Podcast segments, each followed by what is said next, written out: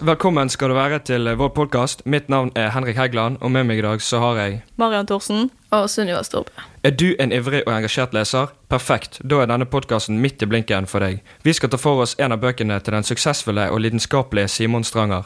Boken heter 304 dager og er en roman på 436 sider. Den omhandler hovedsakelig to svært interessante karakterer, Nicolas og Aman. Han ene sliter psykisk med PTSD etter tjeneste i krigen i Afghanistan, mens han andre vokste opp med krigen ved sine føtter. Har du lyst til å si litt mer om tema motiv i boken? Ja, det kan jeg gjøre. I boken så har vi et tydelig tema. Jeg vil si at det er psykisk helse og krig. Dette kommer veldig tydelig fram i boken. Og spesielt for han Nicolas så er psykisk helse absolutt et sentralt uh, tema. Vi ser lidelser som følger av krigen, spesielt langvarige lidelser, og hva tunge konsekvenser og alvorlige konsekvenser krig kan medføre da, for han eh, Nicolas. Det er vonde minner og tunge tanker som preger han eh, i lang tid etterpå, så jeg vil absolutt si at psykisk helse og eh, krig er noe er sentrale tema her. da. For spesielt så krig er jo motivet òg igjen. Motivet er jo en konflikt i Afghanistan som viser hvordan det påvirker både norske soldater og afghanske innbyggere. Dette motivet setter um, krig i perspektiv og treffer mer enn bare soldater. Og uh, for begge parter så er det en kamp om å overleve. Så det er rett og slett krig vil òg være et tydelig motiv. Nå som vi er inne på karakterer, vil du si noe om det, Sunniva? Eh, ja. Hovedpersonen i boken heter Nicolas, mens en annen viktig karakter det er Aman. Nicolas er en veldig realistisk og ekte person, som da er ganske sammensatt og aktuell. Han er en ganske dynamisk karakter som endrer seg mye underveis. I begynnelsen så har han Før han reiser ut i krigen, så har han kjæreste, og han har fint forhold med familien, og han jobber, og han Før han drar ut i krig, så har han livet sitt ganske på plass. Han har kjæreste, han har et godt forhold med familien, og han trives i jobben sin. Og når han kommer tilbake, så er han helt annerledes. Han har opplevd masse traumatisk, og han har fått PTSD. Noe som påvirker han veldig mye. Som gjør at han òg til slutt må fortsette jobben, og til slutt sliter med å overleve. Vi kan jo si at krigen følger med han videre òg. At han aldri forlater han. Mm. Den uh, ytre krigen på en måte, så han er med i Afghanistan, skaper jo på en måte en indre krig i han òg. Med disse tankene og den lidelsen han uh, oppstår med. da. Amman på den andre siden, han er oppvokst i krigen. Han er òg ganske realistisk og på en måte gjennomsnittlig karakter. I boken så står det 'Vi kan forestille oss at prikk, prikk, prikk'. Så det virker litt som om han på en måte bare er De tar en historisk De tar ut fra historisk kontekst noe som skjedde med en del Tar utgangspunkt i en del ting som skjedde med afghanere, og så snakker de om Og så tar de på en måte og sier at han var en av de så det skjedde med. Så han blir liksom én karakter som er basert på en gjennomsnittlig person i Afghanistan. Det er ikke én spesiell person som det blir skrevet om, det er bare en fiktiv karakter som blir brukt for, for å vise den historiske konteksten fra en bedre Ikke fra en bedre side, men fra en mer organisert side. Ja. Ja. Så vi kan ikke si han er så særlig original, egentlig. Nei, han er ikke original. Han er mer uh, helt vanlig. Kan vi si han er litt klisjé, på en måte? Ikke klisjé i den forstand, men mer at han han skiller seg ikke ut. Nei. Mm. Han blir Ja. litt normal, på en måte. Ja. Ja. Fordi at det er to forskjellige karakterer i boken som har to helt forskjellige historier, så blir hele boken oppstykket i veldig korte kapitler som ofte veksler mellom historien til Nicholas og historien til Arman. Så tempoet i boken blir veldig rolig oppstykket, men det tar seg opp til tider når det er spennende ting som skjer. Eh, Så det blir litt variasjon, men det er akkurat ikke nok til å holde meg hektet. Så da kan du si litt om eh, bakgrunnsrammen, da, Henrik.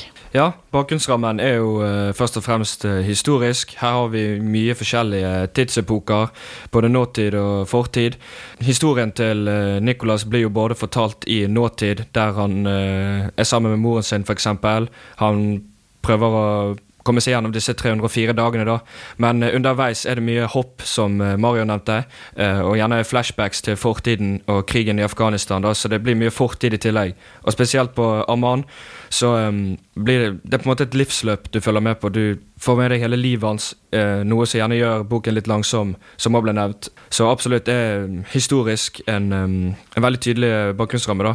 I tillegg så har vi bygdelivet som uh, Nicholas lever i. Han, er, han, lever på en måte i et moderne samfunn i nåtiden, mens i fortiden blir det mer sånn landsbypreget um, bakgrunnsramme, spesielt med Arman. Han lever i et helt annet miljø og uh, samfunn enn um, Nicholas, så vi får på en måte en sånn kontrast der mellom Afghanistan og Norge, med helt to forskjellige bakgrunner og um, miljøer.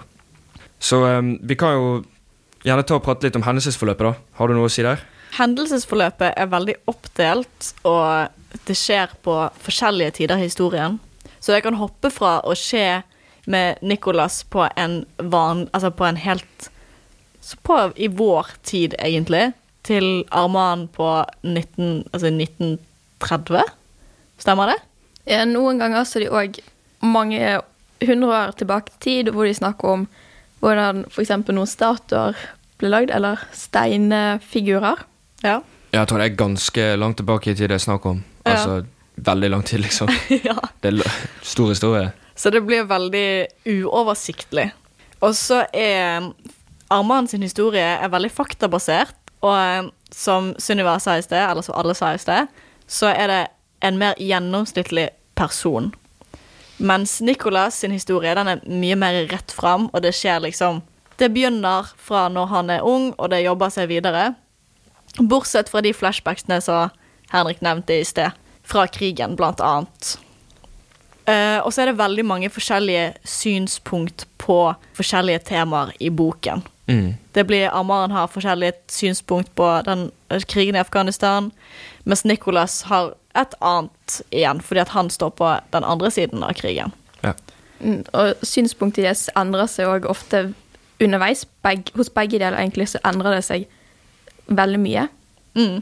Og så blir, fordi at boken er så oppstykket og hopper så veldig mye fram og tilbake, så er det til tider det er veldig vanskelig å få med seg hvem som egentlig blir skrevet om. Du må liksom lese deg et par avsnitt før du skjønner å ja, ok, her skiftet det faktisk person som det handler om. Det blir litt rotete, liksom. Mm. Så er det helt egne kapitler som handler om fakta, og noen til moren til Nicholas, og litt forskjellig sånt. På grunn av at det handler så mye om krig, så er det jo ganske spesifikk tone i hele boken.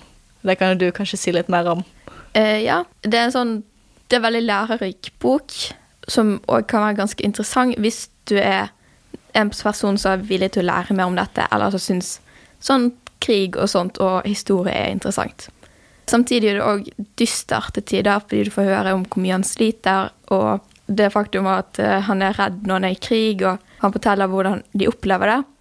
Og så har de et par glimt med små, glade øyeblikk innimellom. Mens språket i boken det er veldig saklig og hverdagslig, spesielt i samtaler. Eh, når det er mer Aman sin side av fortellingen, og handler om Aman, så er det litt mer formelt, og da spesielt med når det omhandler historisk kontekst. Så eh, hva, hva syns dere egentlig om boken? Er det noe dere vil anbefale til andre lesere?